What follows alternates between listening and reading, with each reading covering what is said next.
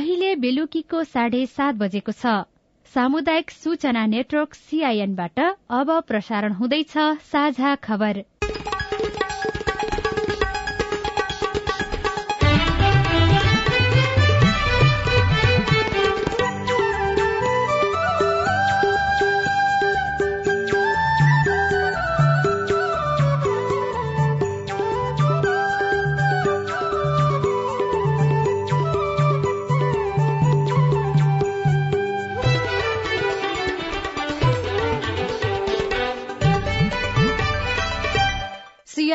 साझा खबरबाट सोभिता रिसालको नमस्कार। साझा खबर देशभरिका सामुदायिक radio CIN Khabar dot com र मोबाइल एप सीआईएनमा पनि सुन्न सकिन्छ।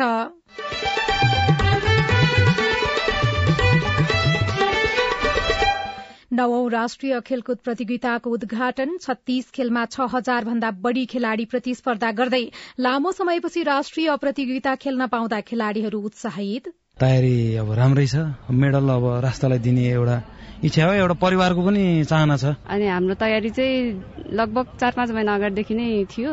धेरै राम्रो भएको छ। तिन चार दिन अगाडि नै आएको होइन एकदम एक्साइटेड छ हाम्रो गेमको लागि चाहिँ। कांग्रेसको घोषणा पत्र संशोधन सहित कार्य सम्पादन समितिबाट पारित। आर्थिक सुशासन युवा रोजगारी र उद्यमशीलता प्राथमिकतामा महँगा सामानको आयात प्रतिबन्धलाई निरन्तरता दिने सरकारको निर्णय। चार प्रकारका वस्तुको पैठारीमा लगाइएको बन्देजलाई दुई हजार उनासी साल मंगिर मसान्तसम्म निरन्तरता दिने। मध्य प्रदेशमा कांग्रेसबाट मन्त्री बनेका तीनजना बर्खास्त स्थानीय तहको परिणाम देखेर गोर्खा रोजेको प्रचण्डको भनाई वर्षेनी लाखौं बिरूवा वितरण तर परिणाम किन हुन्छ शून्य? केन्द्रीय सरकारबाट नर्सरी निर्देशिका नर्सरी एम जारी हुन नसक्दाखेरि पनि यी कुराहरूलाई हामीले अलिकति स्ट्रिम लाइनमा लिएर आउने गाह्रो भएको छ। र महिला फुटबलमा गण्डकी प्रदेशको विजय शुरूआत पुरूष फुटबलमा भने आर्मीको जित महिला क्रिकेटमा नेपाल प्रहरी सेमी फाइनलमा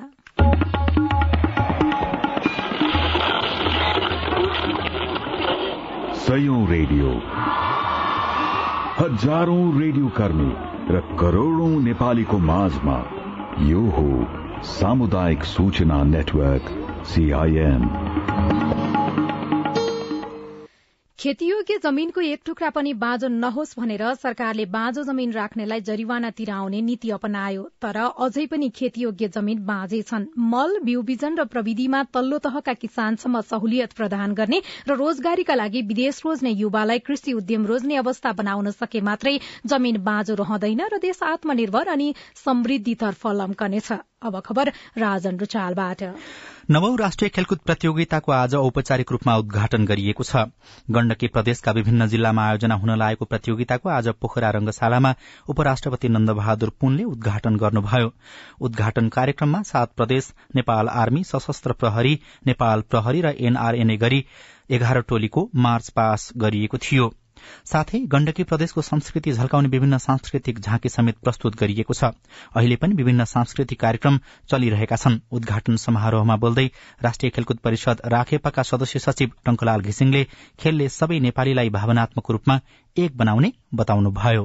खेलले राष्ट्रको भूगोललाई मात्र होइन नागरिकलाई पनि भावनात्मक एकताको सूत्रमा बाँध्ने काम गर्दछ। तसर्थ खेल र खेलाड़ीहरू राष्ट्रिय धरोहर र एकताको प्रतीक हुन्। खेलको यही गरिमालाई नौ राष्ट्रिय खेलकुदमा पनि अक्षुण्ण राख्न हामी सबैलाई सफलता प्राप्त हुनेमा म दृढ विश्वास व्यक्त गर्न चाहन्छु। छत्तीस खेलका लागि छ हजार एक सय सन्ताउन्न खेलाड़ीले सहभागिता जनाउने प्रतियोगितामा एघार टोली सहभागी हुँदैछन्। प्रतियोगिताको औपचारिक उद्घाटनसँगै खेलाड़ीहरू पनि प्रदर्शनका लागि तयार र उत्साहित देखिएका छन्। मेरो नाम चाहिँ सोनम सार्की।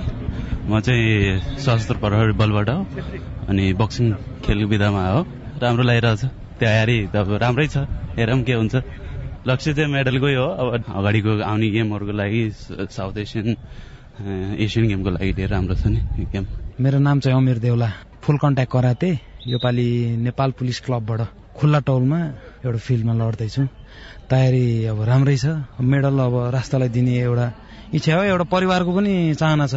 छोरा पनि एउटा खेलाडी राष्ट्रिय खेलाडी बनोस् भनेर। मेरो नाम मिना ग्लान उसु। म चाहिँ विभागीय टिम नेपाली सेनाबाट हो। अनि हाम्रो तयारी चाहिँ लगभग चार पाँच महिना अगाडिदेखि नै थियो। धेरै राम्रो भएको छ। एक हिसाबले हाम्रो हामी नेपाली खेलाडीहरूको लागि एकदम ठुलो महाकुम्भ नै भनौँ। अनि त्यही भएर एकदमै एक्साइटेड प्लस अनि अलिकति नर्भसनेस पनि छ। मेरो नाम भुल गौर मगर। मेरो गेम चाहिँ बास्केटबल लुम्बिनी प्रदेशबाट। एकदमै एक्साइटेड हो। यही समयलाई पनि पुरा हामी हिजो अस्ति दुई तिन चार दिन अगाडि नै आएको होइन एकदम एक्साइटेड छ हाम्रो गेमको लागि चाहिँ। गगन थापा म साइक्लिङको लुम्बिनी प्रदेश। साइक्लिङ नेपालमा भर्खरै उदयमान हुँदै गरेको खेल पनि हो। गएको स्टाफमा पनि आठवटा गोल्ड मेडल ल्याउन सफल भएको थियो। दुई तिनवटा प्रदेशमा मात्र सीमित भएको साइक्लिङ खेल अहिले चाहिँ बिस्तारै अलिकति विस्तृत हुँदैछ र लुम्बिनी प्रदेशबाट पनि पहिलो पटक टोलीले नै प्रतिनिधित्व गर्दैछ अहिले। त्यो कारणले पनि हाम्रो लागि चाहिँ यो एकदमै महत्वपूर्ण छ हाम्रो लागि यो। नेपाली कांग्रेसले आर्थिक सुशासनलाई जोड़ दिएर आउँदो चुनावका लागि घोषणा पत्र तयार पारेको छ। आज बसेको केन्द्रीय कार्य सम्पादन समितिको बैठकले नेताहरूले दिएको सुझावलाई समेटेर आर्थिक सुशासन युवा रोजगारी र उद्यमशीलतालाई प्राथमिकता दिएर घोषणा पत्रलाई अन्तिम रूप दिने निर्णय गरेको हो। बैठकमा घोषणा पत्रमा समेट्ने विषयबारे नेताहरूले दिएको सुझावलाई समेटेर एक साताभित्र सार्वजनिक गर्ने लेखन समितिका प्रवक्ता समेत रहनुभएका सहमहामन्त्री जीवन परियारले जानकारी दिनुभयो। कांग्रेसले महामन्त्री विश्वप्रकाश शर्माको नेतृत्वमा घोषणापत्र मस्यौदा समिति गठन गरेको थियो। बैठकमा पार्टी सभापति शेरबहादुर देउवा सहितका नेताहरूले सुझावहरू दिएका थिए। तिनै सुझावलाई समेटेर घोषणापत्रलाई अन्तिम रूप दिने कांग्रेसको तयारी रहेको छ। आगामी पाँच वर्षमा देशलाई कहाँ पुर्याउने भन्ने रोडम्याप अर्थात मार्गचित्र ल्याउने कांग्रेसले जनाएको छ। सरकारले महँगा गाड़ी मदिरा मोबाइल र मोटरसाइकलको आयात प्रतिबन्धलाई निरन्तरता दिने निर्णय गरेको छ। आज बसेको मन्त्री परिषदको बैठकले चार प्रकारका वस्तुको पैठारीमा लगाइएको प्रतिबन्धलाई मंगिर मसान्तसम्म लम्ब्याउने निर्णय गरेको सरकारका प्रवक्ता ज्ञानेन्द्र बहादुर कार्कीले जानकारी दिनुभयो। मन्त्री परिषदको सो निर्णय राजपत्रमा आज नै प्रकाशित भएको छ। ढुकुटीमा विदेशी मुद्राको संचितीमाथिको दबाव कायमै रहेको अर्थ मन्त्रालय र नेपाल राष्ट्र बैंकको रायपछि उद्योग वाणिज्य तथा आपूर्ति मन्त्रालयले प्रतिबन्धलाई मंगिर मसान्तसम्म निरन्तरता दिन सिफारिश गरेको थियो। दुई हजार उनासी साल असोज अठाइस गतेसम्म पूर्ण प्रतिबन्ध लगाइएका विभिन्न चार प्रकारका वस्तुको पैठारीमा लगाइएको बन्देजलाई दुई हजार उनासी साल मंगिर मसान्त सम्म निरन्तरता दिने। बुढी गण्डकी जलविद्युत आयोजनाको वातावरण मुआवजा वितरण पुनर्वास पुनस्थापना इकाइको कार्य अवधि समाप्त हुने मिति दुई हजार उनासी सात एघारदेखि लागू हुने गरी एक वर्ष थप गर्ने। सरकारका प्रवक्ता कार्कीले सरकारले डाक्टर गोविन्द केसीसँग गरेको सहमति अनुमोदन गरी कार्यान्वयन गर्ने निर्णय गरेको पनि जानकारी दिनुभयो। यस्तै सरकारले विदेशी लगानीको न्यूनतम सीमा प्रति विदेशी लगानीकर्ता दुई करोड़ रूपियाँ तोक्ने निर्णय समेत गरेको छ। मध्य प्रदेशका मुख्यमन्त्री लालबाबु राउतले नेपाली कांग्रेसबाट मन्त्री बनेका तीनजनालाई बर्खास्त गर्नुभएको छ। प्रधानमन्त्री शेरबहादुर देवालले संघीय मन्त्री परिषदबाट जसपाका मन्त्रीलाई बर्खास्त गरेपछि राउतले पनि मध्य सरकारको मन्त्री परिषदबाट नेपाली कांग्रेसका तीनजना मन्त्रीलाई आज बर्खास्त गर्नुभएको हो। नेकपा एमाले रौतहट जिल्ला कमिटि विघटन गरेको छ। एमालेको मध्य प्रदेश कमिटिका अध्यक्ष राम अवतार यादवले आज विज्ञप्ति जारी गरी जिल्ला कमिटि अध्यक्ष त्रिभुवन शाह लगायतका केही व्यक्तिहरू पार्टी विरोधी गतिविधिमा लागेकाले जिल्ला कमिटि विघटन गरेको बताउनु भएको छ। एमाले पार्टी छोडेर स्वतन्त्र उम्मेद्वारी दिएका स्थायी समिति सदस्य प्रभु शाहमाथि पनि कार्यवाही गरेको छ। पार्टी महासचिव शंकर पोखरेलले आज विज्ञप्ति जारी गर्दै शाहलाई पार्टीको साधारण सदस्य समेत नरहने गरी कार्यवाही गरिएको बताउनुभयो। निर्वाचन आयोगले निर्वाचन सम्बन्धी जिज्ञासाको सम्बोधन गर्न टोल फ्री नम्बर एघार शून्य दुई सञ्चालनमा ल्याएको छ। निर्वाचन प्रयोजनका लागि निर्वाचन आयोगले आजदेखि टोल फ्री फोन नम्बर एघार शून्य दुई सञ्चालनमा ल्याएको हो। आयोगका अनुसार टोल फ्री नम्बर मार्फत जो कोहीले निर्वाचन सम्बन्धी प्रश्न सोध्न र जिज्ञासा राख्न सक्नेछन्। नेकपा माओवादी केन्द्रका अध्यक्ष पुष्पकमल दाहाल प्रचण्डले गत स्थानीय तहको निर्वाचनको मत परिणाम देखेर आफूले गोर्खामा उम्मेद्वारी दिएको बताउनु भएको छ। गोर्खाको पाटे चौर स्थित पार्टी कार्यालयमा आयोजित निर्वाचन केन्द्रित अगुवा कार्यकर्ता प्रशिक्षण कार्यक्रममा उहाँले स्थानीय तह निर्वाचनमा गोर्खाका अधिकांश पालिकामा माओवादीले जितेका कारण पनि आफू गोर्खा आउने वातावरण बनेको बताउनुभयो। परिस्थितिको सूक्ष्म अध्ययन गरेर हेडक्वार्टरको विशेष टीमले गोर्खा जान उपयुक्त छ भनेपछि आफू गोर्खा आएको प्रचण्डको भनाइरहेको थियो। नेपालमा डेंगी संक्रमणबाट हालसम्म सत्तालिस जनाको मृत्यु भएको छ। स्वास्थ्य तथा जनसंख्या मन्त्रालयका अनुसार साउन महिनादेखि हालसम्म डेंगीबाट सत्तालिस जनाको मृत्यु भएको हो। यस्तै मन्त्रालयका अनुसार देशभर अडतीस हजार नौ सय अठार जनामा डेंगी संक्रमण पुष्टि भएको छ। पछिल्लो चौविस घण्टामा देशभर एक हजार सात सय सतासी जना डेंगीका नयाँ बिरामी थपिएका छन्। सोही अवधिमा डेंगीका कारण थप दुईजनाको मृत्यु भएको स्वास्थ्य तथा जनसंख्या मन्त्रालयले जनाएको छ। अब खेल खबर। नवौं राष्ट्रिय खेलकुद प्रतियोगिता अन्तर्गत पुरूष फुटबलमा नेपाल आर्मी क्लब विजयी भएको छ। पोखराको गोष्टेघाट खेल मैदानमा आज आर्मीले लुम्बिनी प्रदेशलाई चार एक गोल अन्तरले हराएको हो। महिला फुटबलमा भने गण्डकी प्रदेशले विजय शुरूआत गरेको छ। स्याङ्जाको वालिङमा जारी प्रतियोगिता अन्तर्गत आज गण्डकीले कर्णाली प्रदेशलाई तीन शून्य गोल अन्तरले पराजित गर्यो। नवौं राष्ट्रिय खेलकुद प्रतियोगिता अन्तर्गत आज भएको फेन्सिङ पुरूष टीम इपीमा आर्मीले स्वर्ण पदक जितेको छ। पोखरा रंगशालामा भएको फाइनलमा एपीएफलाई पैंतालिस अठाइस अंकले पछि पार्दै आर्मीले स्वर्ण जितेको हो। त्यस्तै महिला क्रिकेट प्रतियोगितामा विभागीय टोली नेपाल पुलिस क्लब अपराजित रहँदै सेमी फाइनलमा प्रवेश गरेको छ। पोखरामा आज भएको खेलमा नेपाल पुलिस क्लबले लुम्बिनी प्रदेशलाई सन्तानब्बे रनले पराजित गर्यो। पुलिसले दिएको एक सय तेह्र रनको लक्ष्य पछ्याएको लुम्बिनी प्रदेशले बाह्र ओभरमा पाँच बाह्र ओभर पाँच बलमा सबै विकेट गुमाएर पन्ध्र रन मात्रै बनाउन सक्यो। अर्को खेलमा लुम्बिनी कर्णाली प्रदेशलाई प्रदेश नम्बर एकले सात विकेटले हराएको छ र बंगलादेश सहित तीन देश सम्मिलित टी ट्वेन्टी क्रिकेटको उपाधि पाकिस्तानले जितेको छ। फाइनलमा घरेलु टोली न्यूजील्याण्डलाई पाँच विकेटले हराउँदै पाकिस्तानले उपाधि जितेको हो। एक सय चौसठी रनको लक्ष्य पाकिस्तानले उन्नाइस ओभर तीन बलमा पाँच विकेट गुमाएर भेट्टाएको थियो।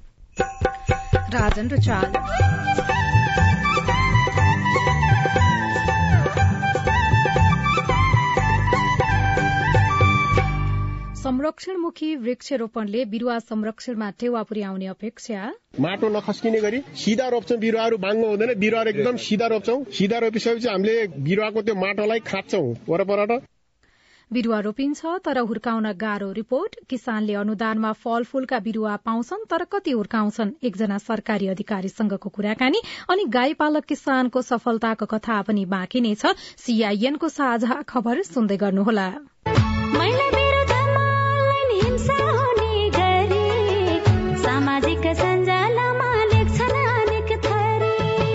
गाली गर्ने चरित्रमा दाग लगाउन खोज्ने झुटा आरोप लगाएर भरम फैलाउने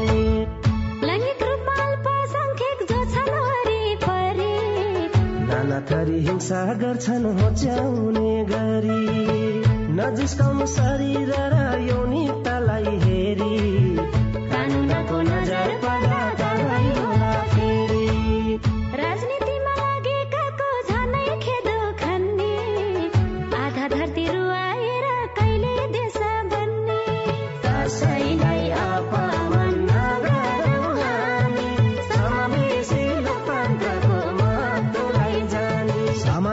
लगायत अनलाइनमा हुने मिथ्या समाचार दुष्प्रचार र घृणा जन्य अभिव्यक्ति कानूनी रूपमा दण्डनीय छ। अनलाइन हिंसा नगरौं र नसहौं। युएसएआईडी र एनडीआई नेपालको आर्थिक तथा प्राविधिक सहयोगमा पर्पल फाउन्डेशनको चेतनामूलक सन्देश।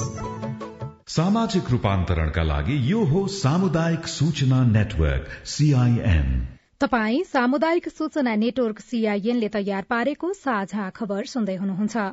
संस्कृतिविद सत्यमोहन जोशीको स्वास्थ्य अवस्थामा सुधार नभएको किस्ट मेडिकल कलेजले जनाएको छ। आज साँझ अस्पतालका निर्देशक सूरज वज्राचार्यले विज्ञप्ति जारी गर्दै जोशीलाई पुरानो रोगले ग्रसित पारेका कारण औषधिले काम नगरेको बताउनु भएको छ। जोशीको स्वास्थ्यमा समस्या देखिएपछि असो सात गते गुवारको स्थित किस्ट मेडिकल कलेज तथा शिक्षण अस्पतालमा भर्ना भएर उपचार भइरहेको छ। पछिल्लो समय स्वास्थ्यमा थप प्रतिकूलता देखिएपछि अहिले सघन उपचार कक्ष अर्थात आईसीयूमा राखेर उपचार भइरहेको छ। नेपालका राष्ट्रिय सामुदायिक लगायतका वनमा अनुदानका बिरूवा वर्षेनी रोपिन्छ तर ती बिरूवाको अनुगमन नहुँदा सरकारको अर्बौंको लगानी खेर गइरहेको छ। अनुदानको बिरूवा संरक्षणमा व्यवस्था बढ़दै गएपछि दाङमा भने संरक्षणमुखी वृक्षारोपण कार्यक्रम शुरू गरिएको छ। यो चाहिँ परम्परादेखि जस्तै बयालिस वर्ष त मै भइसके जबदेखि मैले थाहा पाउने भएको छु यो डाँडो यस्ताको यस्तै छ। कहिले हामीले यहाँ बिरुवाहरू हुर्काउन सकेका छैनौँ। घोराई उपमहानगरपालिका चारको वसन्त हरियाली सामुदायिक वन समूहका अध्यक्ष पवन योगी चालिस वर्षदेखि नाङ्गो डाँडामा संरक्षणमुखी वृक्षारोपण गर्दाको फाइदाबाट प्रभावित हुनु भएको छ। वृक्षारोपण अघि उपभोक्ताहरूको माग संकलन गर्ने र उनीहरूलाई बिरूवाको महत्वका बारेमा जानकारी गराइन्छ। उपभोक्ताहरूलाई प्राविधिक सिप समेत सिकाउने गरिएको छ। सोही ठाउँको स्यालापानी सामुदायिक वन क्षेत्रमा बिरूवा रोप्दै गरेकी स्थानीय विमला शर्मा। विभिन्न जात जातिका बिरुवाहरू रोपेर चाहिँ हरियाली गराउँदैछौँ। विभिन्न किसिमका भुछेहरू चरीचरण नियन्त्रण गर्नको लागि हामी बिरुवाहरू रोपिरहेका छौँ। डिभिजन वन कार्यालयले वृक्षारोपणको लागि ल्याएको नयाँ कार्यक्रम र स्थानीयवासीको सक्रियतालाई वडा कार्यालयले पनि समर्थन र सहयोग गरेको छ। उराही उपमहानगरपालिका वडा नम्बर चारका अध्यक्ष मुनाले घिमिरे मैले वडा कार्यालयबाट यसलाई फलाउनको लागि फुलाउनको लागि के कति योगदान दिनुपर्ने हो? बजेटहरू दिनुपर्ने हो। सम्पूर्ण कुराहरूको व्यवस्थापन गर्ने प्रतिबद्धता पनि जाहेर गर्न चाहन्छु। डिभिजन वन कार्यालय दाङले थोरै लगाउने तर हुर्काउनेमा ध्यान दिने गरी संरक्षणमुखी बिरुवा रोप्न उत्साहित गर्दै आएको बताउँदै कार्यालय प्रमुख मोहन प्रसाद श्रेष्ठ। वृक्षारोपणलाई सफल बनाउनको लागि दुईवटा कुराबाट एउटा चरीचरण एउटा आग लागिबाट हामीले बचाउन सक्यौं भने हामीले चाहिँ आज वृक्षारोपण गरेको यो क्षेत्र चाहिँ पाँच दस पन्ध्र बिस वर्षपछि हामी सँगसँगैको चाहिँ यो सालकै रूपमा चाहिँ हामीले चाहिँ यसलाई चाहिँ परिवर्तन गर्न सक्छौ। यो वर्ष दाङमा अतिक्रमित वन क्षेत्र खाली गरी नौ हेक्टरमा नदी उकास क्षेत्रमा करिब बीस हेक्टर एक पालिका एक कृषि वन कार्यक्रमबाट पाँचवटा पालिकामा दस हेक्टरका दरले पचास हेक्टरमा जडीबुटीका बिरूवा लगाइएको छ। विभिन्न क्षेत्रमा गरी डेढ सय भन्दा बढ़ी हेक्टर क्षेत्रमा बिरूवा लगाइएको छ। सहायक वन अधिकृत अनन्त डाँगी। माटो नखस्किने गरी सिधा रोप्छौँ बिरुवाहरू बाङ्गो हुँदैन। बिरुवाहरू एकदम सिधा रोप्छौँ। सिधा रोपिसकेपछि हामीले बिरुवाको त्यो माटोलाई खाँच्छौँ वरपरबाट। त्यसपछि टाइट गरेर खाँदै जहाँ कि एयर नलियोस् एयरले चाहिँ बिरुवा फेरि जाग्न गाह्रो हुन्छ। दाङमा दुई लाख सात हजार हेक्टर वन क्षेत्र छ। पछिल्लो दस वर्षमा जिल्लाको वन क्षेत्र छ प्रतिशतले बढ़ेको छ। सुशीला ओली सीआईएन रेडियो मध्य पश्चिम दाङ। सरकार र सरोकारवाला निकायको पहलमा हरेक वर्ष लाखौं बिरूवा वितरण गरिन्छ तर त्यस अनुसारको प्रतिफल निस्कन नसकेको सरकारकै अध्ययनले देखाउँछ। साथै प्रदेशमा बिरूवा वितरणको प्रक्रिया र सरकारको लगानी खेर जान नदिनका लागि अपनाउनु पर्ने सावधानीका बारेमा हामीले समशीतोष्ण बागवानी केन्द्र किर्तिपुरका प्रमुख तथा वरिष्ठ बागवानी अधिकृत सूर्य प्रसाद बरालसँग कुराकानी गरेका छौं। राष्ट्रिय फलफुल विकास केन्द्रबाट यसको संयोजन हुने गर्थ्यो र ब्यालेन्स सिटको प्रावधान थियो। सबै जिल्ला कृषि विकास कार्यालयहरूले राष्ट्रिय फलफुल विकास केन्द्रसँग संयोजन गरेर आवश्यकता कहाँ कहाँ कति कति छ भन्ने कुराहरू त्यसको माग र आपूर्तिको सन्तुलन मिलाउने गरिन्थ्यो। स्थानीय तह प्रदेश तह र संघीय तह भइसकेपछि सबैको आफ्नो आफ्नो कार्यकारी भूमिका हुँदाखेरि आवश्यक नहुँदा अथवा आफूलाई सहज नहुँदाखेरि त्यो मिसम्याच जस्तो चाहिँ महसुस चाहिँ भएको छ। बिरुवा वितरणको लागि समस्या हुनुको कारण भनेको अब तीनवटा तहको सरकारको बीचको कुरा नमिल्दाखेरि हो कि अथवा अरू केही कानुनी बन्धनहरू सबै तहमा समान बुझाइ नहुँदाखेरि र अनि त्यसपछि अर्को चाहिँ हाम्रो केन्द्रीय सरकारबाट नर्सरी निर्देशिका नर्सरी एम जारी हुन नसक्दाखेरि पनि यी कुराहरूलाई हामीले अलिकति स्ट्रिम लाइनमा लिएर आउने गाह्रो भएको छ।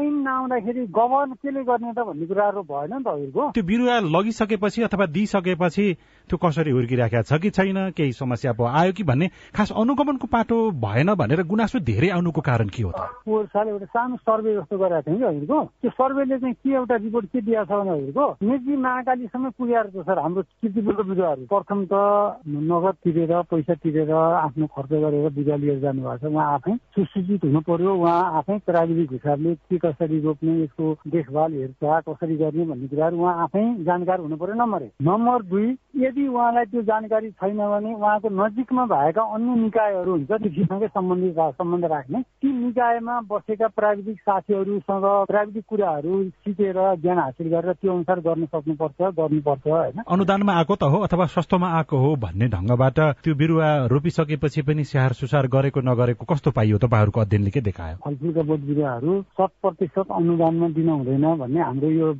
समयको लबिङ रहन्छ सर नम्बर एक। उहाँको अलिकति लगानी भइसकेपछि उहाँलाई माया पनि हुन्छ ममता पनि हुन्छ होइन टेक केयर पनि हुन्छ भन्ने एउटा पाटो छ। उहाँ त अपनत्व जागृत नगराइकन बिरुवाहरू दियो भने हुन्छ राज्यको लगानी पनि गयो संस्थाको लगानी पनि गयो किसानको लगानी पनि गयो त्योभन्दा ठुलो लगानी के गयो श्रमको लगानी भयो समयको लगानी भयो। त्यो समय त फेरि हामीले किन्न त पाउँदैनौँ। साझा खबरमा अब हेलो सीआईएन उषा तामाङबाट। कृष्णबहादुर खत्री सुर्खेत जिल्ला पञ्चपुरी नगरपालिका वार्ड नम्बर दस। मेरो थर पोखेल खत्री हुनुपर्नेमा मेरो नागरिकतामा खत्री मात्र भयो। अब मैले पोखेल खत्री बनाउन के गर्नु पर्ला? तपाईँको जिज्ञासा समाधान गरिदिनका लागि हामीले जिल्ला प्रशासन कार्यालय सुर्खेतका सहायक प्रमुख जिल्ला अधिकारी खगेन्द्र बहादुर मल्ललाई अनुरोध गरेका छौं। नागरिकतामा चाहिँ पोखरेल छ र सर्टिफिकेटहरूमा पोखरेल खत्री छ भने मात्रै चाहिँ त्यो आधारले चाहिँ गराउन सकिन्छ। बिना आधार चाहिँ गराउन सकिँदैन। नमस्कार म दैलेख जिल्ला भैरवी गाउँपालिकादेखि प्रमोद अधिकारी बोल्दैछु। म माध्यमिक तह शिक्षा सिकाइ अनुदानमा कार्यरत शिक्षक हुँ। विगत चार वर्षदेखि यही कोटामा कार्यरत रहिआएको छु। तर यो वर्ष शिक्षा सिकाइ अनुदान रकम बारे अन्यल हुँदा यो वर्षको रकम निकासा हुन्छ वा हुँदैन। हुन्छ भने कहिलेसम्म हुन्छ होला? जवाफ दिँदै हुनुहुन्छ शिक्षा विज्ञान तथा प्रविधि मन्त्रालयका प्रवक्ता दीपक शर्मा। शिक्षण सिकाइ सहयोग अनुदान भनेको विद्यार्थी संख्यामा को आधारमा दिइने अनुदान हो। कुनै विद्यालयमा विद्यार्थी बढ्यो भने त्यो अनुसार दिने घट्यो भनेदेखि चाहिँ त्यो अनुदान प्राप्त हुँदैन। त्यसरी चाहिँ नि विद्यार्थी बढी भएको ठाउँमा शिक्षकको व्यवस्थापनको लागि दिने अनुदान हो। व्यक्तिको लागि निरन्तरताको लागि दिने भन्ने विषय होइन। अब जहाँसम्म त्यहाँ प्राप्त भयो कि भएन भन्ने विषय चाहिँ तपाईँले तपाईँको विद्यालय रहेको स्थानीय तहको शिक्षा शाखामा सम्पर्क गरेर कति अनुदान रकम आएको छ सो प्रयोजनको लागि र त्यो चाहिँ नि कुन कुन विद्यालयले पाउने अवस्था छ भनेर जानकारी दिन सक्नुहुन्छ। यस विषयमा हामीले थप जानकारी भैरवी गाउँपालिकाका शिक्षा युवा तथा खेलकुद शाखा प्रमुख उमेश कार्कीबाट लिएका छौं। शिक्षण सिकै अनुदान अन्तर्गत यो केन्द्रबाट आउने जुन अनुदान छ त्यो गत वर्ष पाँचवटा कोठा थियो यो वर्ष पाँचवटा नभएर एउटा मात्र आयो। जसका कारणले गर्दा ती पाँचजना चारजना सरहरूले हामीले निरन्तरता दिन सकेनौँ। अब त्यो माथि बुझ्दाखेरि अब त्यो विद्यालयहरूले इमेज नगरेका कारण त्यस्तो भयो भन्ने छ। आउन भन्ने कुरा पनि हामीले मान्छे बुझ्दाखेरि त्यस्तो कुरा बुझेका छौँ। पालिका अनुदानबाट दिइने जुन शिक्षण सिकाइ अनुदान हो त्यो त निरन्तर भइरहेको छ। तपाईँ जुनसुकै बेला हाम्रो आइभीआर नम्बर शून्य एक बान्न साठी छ चार छमा फोन गरेर आफ्नो विचार गुनासो प्रश्न तथा प्रतिक्रिया रेकर्ड गर्न सक्नुहुन्छ। तपाई सामुदायिक सूचना नेटवर्क सीआईएनले काठमाण्डुमा तयार पारेको साझा खबर सुन्दै हुनुहुन्छ। साझा खबर मोबाइल एप नेपाली पात्रोबाट पनि सुनिरहनु भएको छ। व्यावसायिक गाई पालनबाट महिनाको चार लाखसम्म आमदानी। मासिक रूपमा मेरो कागजले मेरो चाहिँ फाइलले मेरो चाहिँ डकुमेन्टले चाहिँ चारदेखि साढे चार लाख रुपियाँ पैसा नेट प्रोफिट चाहिँ देखाएको छ।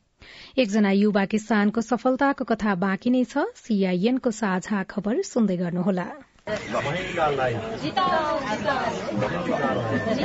रमा दिदी फेरि चुनाव लागे जस्तो छ नि कताको यात्रा हो?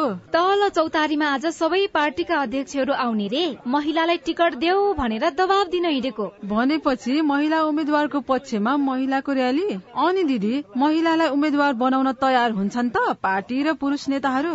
संविधानले तेत्तीस प्रतिशत महिला सहभागिता गराउनु पर्ने भनेको छ। त्यसैले अब महिला उम्मेद्वारलाई मतदान गरी जिताउनु पर्छ क्या? अनि महिला नै किन? पहिलो त जनसंख्याको आधारमा हाम्रो प्रतिनिधित्व हुने कुरा लोकतन्त्रको आधार हो र हाम्रो अधिकार पनि। अर्को महिलाले जितेमा महिला र अन्य पछाडि पारिएका समुदायको मुद्दा सम्बोधन नीतिगत व्यवस्था र कार्यान्वयन प्रभावकारी हुन्छ। सुन्या होला नि जसको सवाल उसकै नेतृत्व। अनि सुन्नु त महिला उम्मेद्वार उठेपछि उनीहरूका घोषणा पत्रमा महिलाका लागि के के विषय राख्ने भन्ने बारे पनि यस्तै खबरदारी गर्नुपर्छ घोषणा पत्रले महिलाको सवाल समेट्न सक्यो भने पो हाम्रा मुद्दा अगाडि आउँछन्। नेताहरू उत्तरदायी हुन्थे र हामी महिलाहरूलाई पनि भोट दिम दिम लाग्छ नि। महिला उम्मेद्वार उठेपछि महिलाका लागि के के कुरा चाहिन्छ भन्ने बारे त फेरि हामीले नै सुझाव दिने हो क्या? आगामी मंगिर चारको प्रतिनिधि र प्रदेश सभा निर्वाचनका लागि संविधानको व्यवस्था अनुसार महिला उम्मेद्वारलाई मतदान गरौं। महिला पुनस्थापना केन्द्र ओरेक नेम्स केयर नेपाल र सामुदायिक सूचना नेटवर्क सीआईएन। सामाजिक रूपान्तरणका लागि यो हो सामुदायिक सूचना नेटवर्क सीआईएन। तपाई सामुदायिक सूचना नेटवर्क सीआईएनले काठमाण्डुमा तयार पारेको साझा खबर सुन्दै हुनुहुन्छ। पशु सेवा विभागका अनुसार नेपालमा झण्डै पचहत्तर लाखको संख्यामा गाई पालिएको छ। स्थानीय र उन्नत जातका गरी सात प्रकारका गाईबाट वार्षिक सरदर दश लाख मेट्रिक टन दूध उत्पादन हुने गर्छ। गाई पालन व्यवसायमा आबद्ध सबैभन्दा बढ़ी किसान प्रदेश नम्बर एकको झापामा छन्। आज तिनै मध्येका एकजना किसानको व्यावसायिक सफलताको कथा सुनाउँदैछौ। झापाको मेचीनगर व्यावसायिक कृषि र पशुपालनका लागि राम्रो वातावरण भएको क्षेत्र हो। मेचीनगरको बाहुनडाँगीमा मात्रै दसवटा भन्दा बढ़ी व्यावसायिक गाई फार्म छन्। झापाकै सबैभन्दा ठूलो र आधुनिक गाई फार्म हो बद्री निरौलाको। पाँचवटा गाई पाले त्यस पछाडि हुँदो रहेछ भन्ने कुरा हुँदै हुँदै पन्ध्रवटा पुर्याएँ पन्ध्रवटा भइसकेपछि तपाईँको होइन अलिक अलिक पाल्नु पर्ने जस्तो पच्चिस तिसवटा बनाएँ त्यसपछि पाल्दै जाँदाखेरि अब अहिले डेढ सौ माथि भयो। कतिजना कामदार राख्नु भएको छ? फार्मभित्र तिनजना हुनुहुन्छ अनि एकजना लेडिज सरसफाइको लागि त्यस पछाडि अरू दुईजना चाहिँ बाहिर घाँस कटिङदेखि लिएर अरू अरू काममा बाहिरी कामहरूमा दाना ओसार्नेदेखि लिएर यस्ता काममा चाहिँ अरू दुईजना गरे जम्मा मसँग तीन एक चार दुई छजना चाहिँ कम्प्लिटली मेन पावर हुनुहुन्छ। बद्रीले व्यावसायिक रूपमा गाई पाल्न थालेको चार वर्ष भयो। संरचनाको हिसाबले उहाँको गाई फार्म पूर्वकै ठूलो हो। आफ्नै माटोमा सम्भावना खोज्ने सोचले पुर्ख्यौली पेसालाई आधुनिक र व्यावसायिक बनाएको उहाँ बताउनुहुन्छ। सुरुमा बुवा हजुरबाले पनि गाई पालेको धेरै गाई पालेको देखिन्थ्यो चराएर। कृषि सेक्टरमा पहिलेदेखि अलिकति इन्ट्रेस्ट पनि थियो। त्यही हुँदा हुँदै पनि अब यत्रो ल्यान्ड पनि छ चाहिँ अहिले चाहिँ देशमा चाहिँ एउटा सम्भावना पनि छ भन्ने सोच बनाइयो। अनि इन्ट्रेस्ट नै हो बढी चाहिँ भित्रदेखि इन्ट्रेस्ट लागेरै थाले हो बद्रीको फार्मबाट दिनमा एक हजार लिटर भन्दा बढ़ी दूध उत्पादन हुन्छ। बिक्रीका लागि बजारको कुनै चिन्ता छैन। आधुनिक शैली र उपकरणका कारण गाईको स्याहार सुसारमा सजिलो भएको छ भने कामदारको चिन्ता पनि कम भएको छ। अप्ठ्यारो चाहिँ अप्ठ्यारै हो व्यवसाय। तर यसलाई सजिलो बनाउँदै लिएर जान सकिन्छ भनेर अलिक सजिलो बनाउन थाल्यौँ अब हामीले। धेरै अब आधुनिक इक्विपमेन्टहरू आइसकेका छन् र तपाईँको ती प्रविधिहरूलाई चाहिँ आत्मसात गरेर तिनीहरूलाई युज गर्दै लिएर जाँदाखेरि चाहिँ थोरै मेन पावरबाट पनि धेरै गाईहरू पाल्न सकिने थोरै लगानीबाट पनि धेरै उत्पादन गर्न सकिने भन्ने कुराहरू देखिन्छ। जस्तो एउटै गाईबाट हिजो तिन लिटर चार लिटर दुध दुइन्थ्यो भने अब तिनै गाईबाट बत्तीस लिटर चालिस लिटर दुध दिन थालियो नि त। यो त घाँस काटेको मात्रै हो यो। यो घाँस चाहिँ साइलेसमा मिक्स गरेर खुवाउने हो सुपर नेपियर हो यो। राम्रो प्रजातिको घाँस हो। यसमा हाई प्रोटिन हुन्छ। पछिल्लो दस वर्ष यता नेपालमा व्यावसायिक कृषिमा लाग्ने युवाको संख्या बढ़िरहेको छ। हुन पनि कृषिमा सम्भावना राम्रो छ। त्यही सम्भावना देखेर बद्री निरौलाले गाई फार्ममा सात करोड़ भन्दा बढ़ी लगानी पुर्याइसक्नुभयो। फार्म र मेरो अरू संरचना सहित गरेर एक बिघामा चाहिँ यो स्ट्रक्चर नै छ। त्यो हुँदै गर्दा मसँग नौ बिघा घाँस प्लानिङ छ अहिले। तर त्यो घाँस प्लानिङ कम्ती हो। त्यो हुँदै गर्दाखेरि मसँग अहिले मोटामोटी टोटल कस्ट हिसाब गर्दाखेरि सात करोडदेखि साढे सात करोड रुपियाँ पैसा लगानी भइसकेको छ। फाइदा चाहिँ के छ? महिनाको आमदानी चाहिँ कस्तो छ? मासिक रूपमा मेरो कागजले मेरो चाहिँ फाइलले मेरो चाहिँ डकुमेन्टले चाहिँ चारदेखि साढे चार लाख रुपियाँ पैसा नेट प्रोफिट चाहिँ देखाएको छ। लगानी अनुसारको प्रतिफल लिन शुरू नभए पनि गाई पालन दिगो व्यवसाय भएको उहाँ बताउनुहुन्छ। काम पाइएन भनेर विदेशी नै युवालाई नेपालमै व्यावसायिक कृषिमा लाग्न सुझाव दिने बद्री जति धेरै लगानी भयो उति धेरै फाइदा हुने अनुभव सुनाउनुहुन्छ। एउटा दुईटा पाल्दाखेरि चाहिँ के छ भने जेनरली एउटा चाहिँ समय सदुपयोग गर्ने कुरा मात्रै हो। व्यवसायिक हुनको लागि कम्तीमा पन्ध्रदेखि बिसवटा गाई पालेपछि चाहिँ तपाईँको त्यसले चाहिँ रिटर्न दिन्छ राम्रैसँगले हुन्छ। अथवा एउटा मान्छेको चाहिँ आमदामी निश्चित नेपालीहरूको चाहिँ सामान्य आमदामीलाई चाहिँ त्यसले चाहिँ कभर गर्छ। हामीले देखेको चाहिँ किन मैले पन्ध्रवटा गाई पाल्दाखेरि मलाई केही नाफा भएन र मैले आज यहाँ आइपुगेको छु। देशमै सम्भावना खोजेर मेहनत गरिरहेका युवालाई सरकारी सहयोग भने फितलो छ। उन्नत जातका गाई पालनमा सरकारी नीति किसान मैत्री नरहेको बद्री बताउनुहुन्छ। अब के छ भने लगानीको कुराहरू चाहिँ अलिकति चुनौती छ। जस्तो अहिले तपाईँको चाहिँ मार्केटमा जुन हाई नस्लका गाईहरू एक त पाइँदैन। नेपाल सरकारले त्यो कुरामा भर्खर मात्रै केही पोलिसीहरू मेक गर्दैछ। यी हाम्रो छिमेकी राष्ट्र इन्डियामा चाहिँ तपाईँको सत्तरी बहत्तर लिटर एभरेज दैनिक चाहिँ दुध दिने गाईहरू त्यहाँ बनिसक्यो। हामी कहाँ तपाईँको चाहिँ तिस बत्तीस लिटरको गाई बन्दैछ अहिले। त्यस कारण हामी त्यति पछि छौँ। त्यो गर्नको लागि गभर्मेन्टले एक स्टेप सपोर्ट गर्दैन हो भने जस्तो सिमेन्सका कुराहरू बाहिरबाट युएसबाट नेदरल्यान्डबाट चाहिँ सिमेन्ट्सहरू लिएर आउने राज्य राज्यले त्यो सपोर्ट गर्ने भने यहाँको स्थानीय गाईहरूमा चाहिँ क्रस गरेर यहाँका होलिस्टेन जर्सी गाईहरूमा क्रस गरेर चाहिँ हामीले त्यो ब्रिडहरूमा काम गर्न सक्यौँ भने चाहिँ सम्भावना चाहिँ प्रशस्तै देखाएको छौँ हामीले। व्यावसायिक कृषिका लागि राज्यले अनुदानको व्यवस्था त गरेको छ तर त्यो पनि किसान अनुकूल छैन। जसका कारण लगानी नभएका किसान व्यावसायिक कृषिमा आउन सकिरहेका छैनन्। बद्रीको बुझाइमा सरकारी बजेट वास्तविक किसानसम्म पुग्न सकेको छैन भने अधिकांश किसानले परम्परागत कृषि प्रणाली छोड्न सकेका छैनन्। राजन रुचाल सीआईएन काठमाडौँ। नवौं राष्ट्रिय खेलकुद प्रतियोगिताको उद्घाटन भएको छ। छत्तीस खेलमा छ हजार भन्दा बढ़ी खेलाड़ीले प्रतिस्पर्धा गर्दैछन्। लामो समयपछि राष्ट्रिय प्रतियोगिता खेल्न पाउँदा खेलाड़ीहरू उत्साहित भएका छन्। कांग्रेसको घोषणा पत्र संशोधन सहित कार्य सम्पादन समितिबाट पारित भएको छ। आर्थिक सुशासन युवा रोजगारी र उद्यमशीलता प्राथमिकतामा राख्ने कांग्रेसले बताएको छ। र सरकारले महँगा सामानको आयात प्रतिबन्धलाई निरन्तरता दिने निर्णय गरेको छ। हवस् त आजलाई साझा खबरको समय सकियो। प्राविधिक साथी सुरेन्द्र सिंहलाई धन्यवाद। भोलि असोज उन्तिस गते बिहान छ बजेको साझा खबरमा फेरि भेटौँला। अहिलेलाई सोभितारी साल पनि विदा हुन्छु। नमस्कार शुभरात्री।